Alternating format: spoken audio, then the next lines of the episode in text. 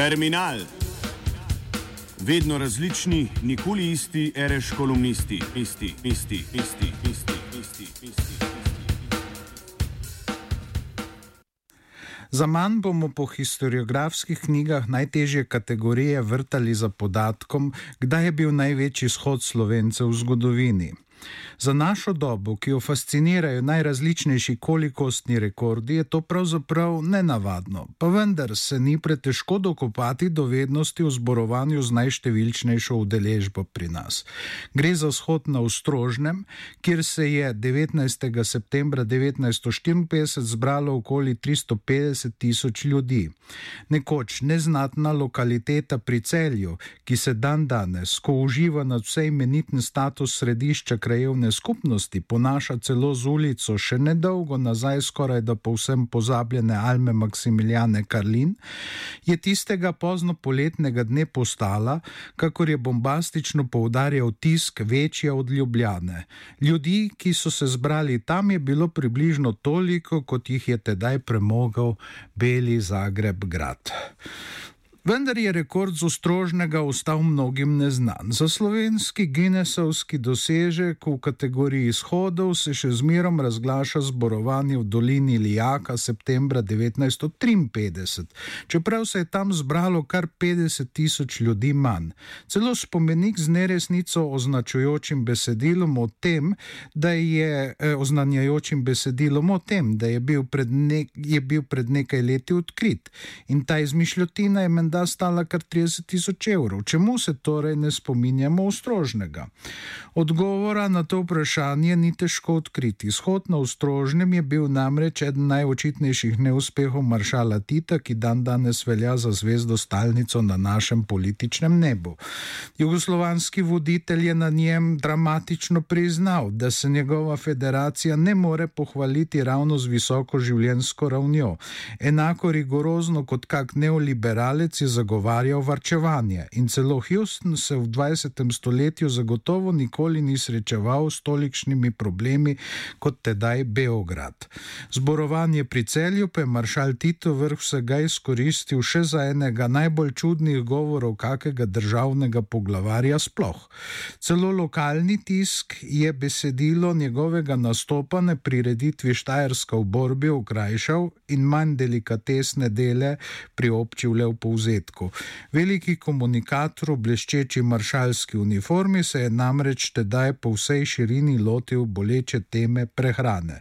Nekje na sredi svojega govora je dejal: Že večkrat sem povedal, da se pri nas razsipa. Večkrat sem dejal, da pri nas ne računamo dovolj s tistim, kar imamo in s čimer bi lahko izhajali.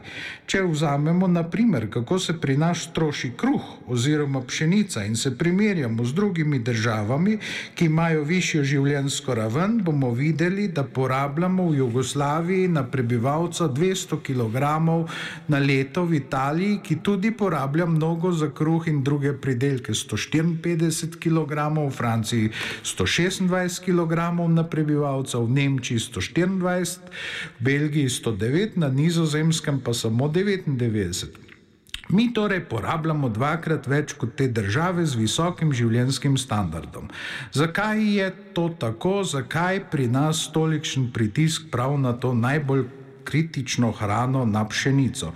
Mislim, da je vzrok predvsem to, ker so pri nas tradicije take, ker ljudje nimajo dovolj raznovrstne prehrane, ker jim je glavna hrana kruh in ker ne mislijo na fižol, krompir in drugo, ker jim je postransko vse to, kar je v nekaterih državah glavno potem pa tudi to, da razsipamo in trošimo mnogo več, kot bi bilo včasih potrebno. Ne bom dejal, da to velja za vse. Vem, da naši delovni ljudje ne morejo trošiti več, kot imajo denarja za nakup, pač pa razsipajo in ne trošijo racionalno po vaseh.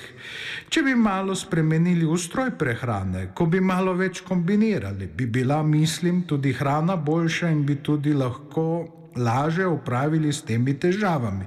Razumljivo je, da bomo storili vse, da bomo v naši državi pridelali čim več žita, glede na skromne površine, ki jih imamo in tiste, ki jih bomo iztrgali močvirjem in tako dalje, ter glede na naglo naraščanje našega prebivalstva in naglo spreminjanje strukture prebivalstva, ki odhaja iz vasi v mesta, pa bomo morali še naprej uvažati žito. Pozneje ga bomo laže uvažali, kajti čez deset.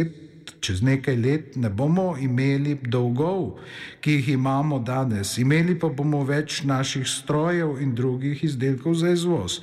Tedaj nam bo lažje, sedaj pa jaz to apeliram, da naši ljudje vodijo računa o tem, koliko nam ta problem povzroča skrbi in težav, in koliko bi nam bilo laže, če bi se malo bolj pazilo na prehrano in bolj varčevalo.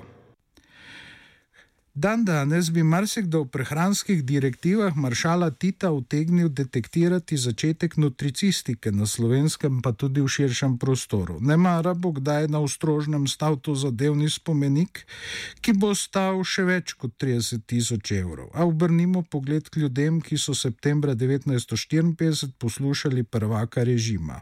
Celo po izračunih državne statistike so v povprečju še vedno živeli opazno slabše kot leta 19. 1939. Čeprav so na mesto blaginje dobili socializem, s čimer so bili po mnenju mnogih ideologov obdarovani z nezdosogljivo strukturno prednostjo pred ljudmi, on stran njegovega praga, nad voditeljevimi besedami niso mogli biti niti malo navdušeni. Tudi industrijski delavci so v tistem času še imeli toliko bližnjih sorodnikov na kmetih, da v stiki jih je Tito usmeril proti vaščanom, niso razumeli kot poskus hojskanja proti potuhnjenim in vsega zmožnim drobno-kapitalističnim hodobcem iz neznanskih daljav, teveč proti svojim ljudem. Marsikdo od njih je dojel, da je maršal. Ta naziv je tisk prav v tistem času začel pisati z veliko začetnico, kadar se je nanašal na Josipa Broza, za polomijo jugoslovanske agrarne politike ukrivil podeželane.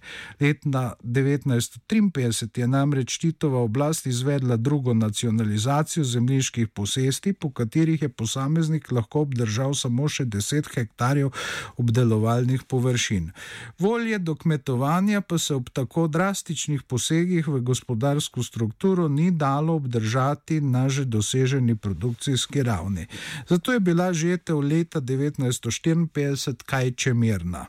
V Kašče se je pospravilo za približno 130 tisoč vagonov pšenice manj kot običajno. Tedanja žetev je zaostajala celo za tisto, ki so jo zaznamovale posledice velike suše leta 1952.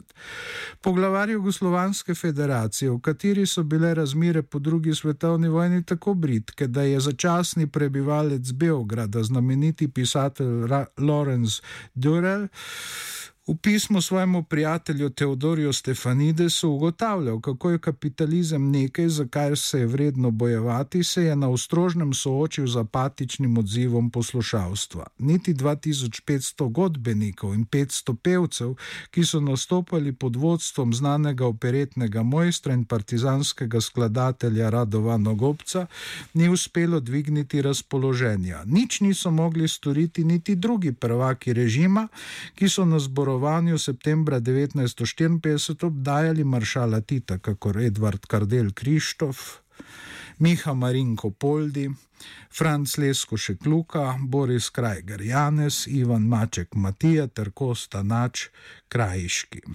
Spomin na Štajersko v borbi je hitro ugasnil. Ko so nekaj zatem začeli skladno z direktivami maršala Tita peči nekoliko zmanjšane in poenostavljeno narejene črne žemlje, pa so ljudje reagirali s sarkazmom. Novi produkt so imenovali Ustrožnica.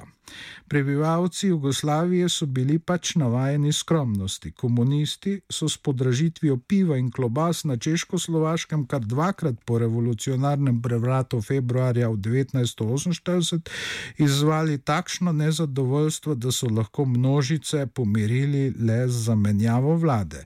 In ko so časi najhujše materialne stiske v 60. in 70. letih za precejšnji del Titovih podanikov minili, pa je začel zamirati tudi spomin na Ostrožnice. Nutricistični terminal je pripravil Igor Gardina.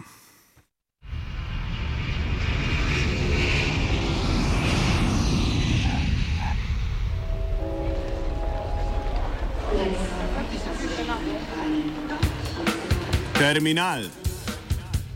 Vedno različni, nikoli isti, reš kolumnisti, isti, isti, isti, isti, isti, isti. isti.